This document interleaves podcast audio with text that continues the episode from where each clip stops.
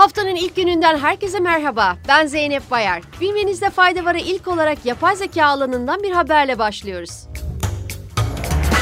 Beyaz Saray, ABD Başkan Yardımcısı Kamala Harris'in önde gelen şirketlerle ortaklaşa yeni bir yapay zeka girişiminin başına atandığını duyurdu. Açıklamada Harris ve Başkan Joe Biden'ın yönetimindeki diğer üst düzey yetkililerin Alphabet, Anthropic, Microsoft ve OpenAI CEO'ları ile bir araya gelerek üretilen programların halka sunulmadan önce güvenliğini tartışacağı belirtildi. Almanya'da bu yılın başında ortaya çıkan ilaç sıkıntısı özellikle antibiyotiklerde derinleşerek devam ediyor.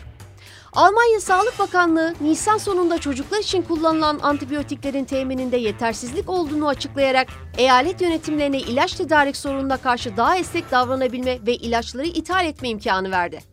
Bu olanağı kullanan birçok eyalet ilgili kurumlara ülkede onay almamış veya tescil edilmemiş antibiyotik şurupların ithalatına geçici süreyle izin verdi.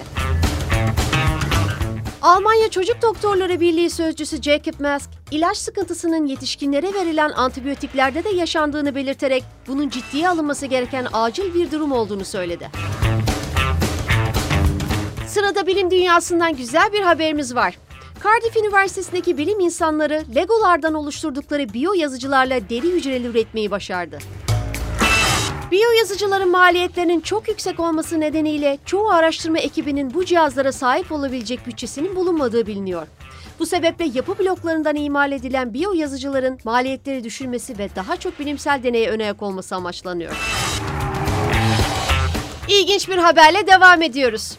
Hakemli bilimsel dergi Scientific Report'ta yayımlanan araştırmada Mars'a gidecek ilk mürettebatın tamamen kadınlardan oluşturulmasının beklendiği belirtildi.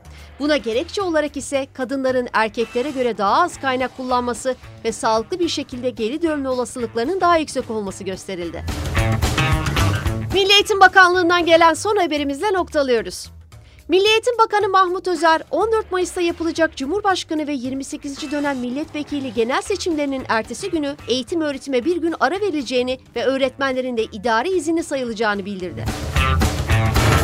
Bugünlük bu kadar. Yarın tekrar görüşmek üzere. Hoşçakalın.